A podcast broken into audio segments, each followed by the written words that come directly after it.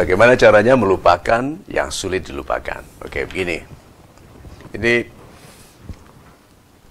kalimat lebay gitu ya.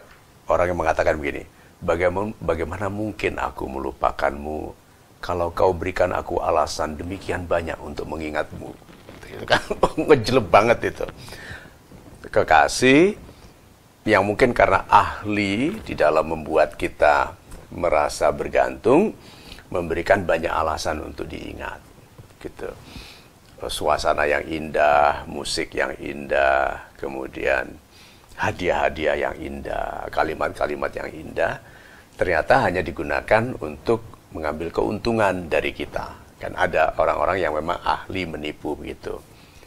Nah, setelah berpisah, ini anehnya orang yang dilukai oleh orang yang hanya kelihatan baik, berarti aslinya tidak baik, berpisah, anehnya orang yang terluka ini lebih memilih mengingat kebaikan dari pengalamannya, bukan kebaikan dari orangnya.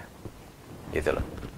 Jadi kita itu kalau ditinggal, berpisah dari orang yang tidak baik, itu harus ingat bahwa yang indah, yang baik, itu pengalaman bukan orangnya.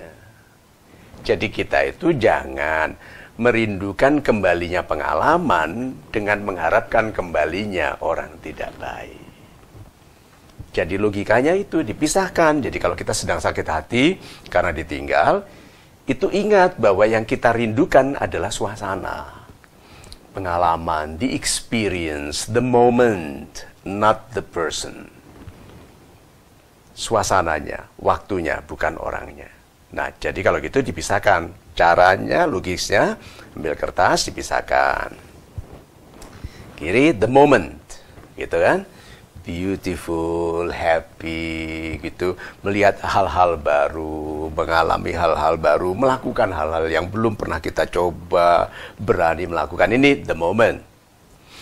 The person, palsu, tidak jujur, manipulatif gitu, eh, tidak setia.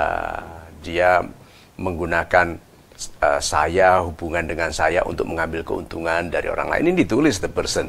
Dah. Kangen nggak? Kangen. Kangen sama yang mana? The moment. Kangen nggak sama orangnya? Tidak. Uh, melupakan yang sulit dilupakan kita itu nyampur. The moment yang indah dan the bad person dijadikan satu lalu kangen. Dipisahkan saja. Kangen dengan momen yang indah. Berarti lain kali kita tahu kalau kita punya kekasih lagi, masuk dalam momen yang sama, pastikan orangnya baik. Pastikan kita juga baik baginya. Karena kan baik kan nggak bisa satu arah, dua arah. Dia harus baik bagi kita, kita baik baginya. Dek, momennya. Orangnya sudah tahu ciri-cirinya toh? Berarti kalau datang orang berikutnya calon a bad person, kita tahu. Itu sebabnya kita itu dididik melalui penderitaan seperti ini. Supaya kita tidak lagi mengulangi, mempercayai atau bahkan mencintai orang tidak baik, merindukan orang tidak baik karena merindukan momen, pengalaman, memori yang indah. Lihat ya. Orang itu berubah, memori tidak. Kalimat ini indah sekali loh sebetulnya. Orang itu berubah, memori tidak. Memori masih indah, kangenlah pada yang indah, terima bahwa orang ini sudah berubah. Mau tahu lebih cantik lagi satu. Orang yang berubah sebetulnya tidak berubah. Orang itu aslinya memang tidak baik, kita saja baru menyadarinya. Yang berubah adalah kesadaran kita tentang orang itu. Orang itu aslinya tidak baik. Cantik sekali ya. Orang berubah, memori tidak. Tapi sebetulnya orang juga tidak berubah. Yang berubah kesadaran kita mengenai orang ini. Jadi cara melupakan yang sulit dilupakan itu pisahkan antara memori, momen yang indah yang memang sulit dilupakan dari orang tidak baik yang memang harus dijauhi. Bukan hanya dilupakan. Masih ingat sakitnya? Masih. Sakit hati? Ya masih ingat. Berapa lama? Mungkin nggak pernah lupa. Terus, bukankah itu merusak kehidupan saya? Kalau you gunakan untuk merusak kehidupan, iya. Tapi disakiti orang, ingat.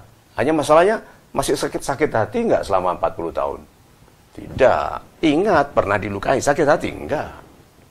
Orangnya, jangan diizinkan dekat lagi. Singkirkan. Melupakan yang sulit dilupakan. Itu caranya.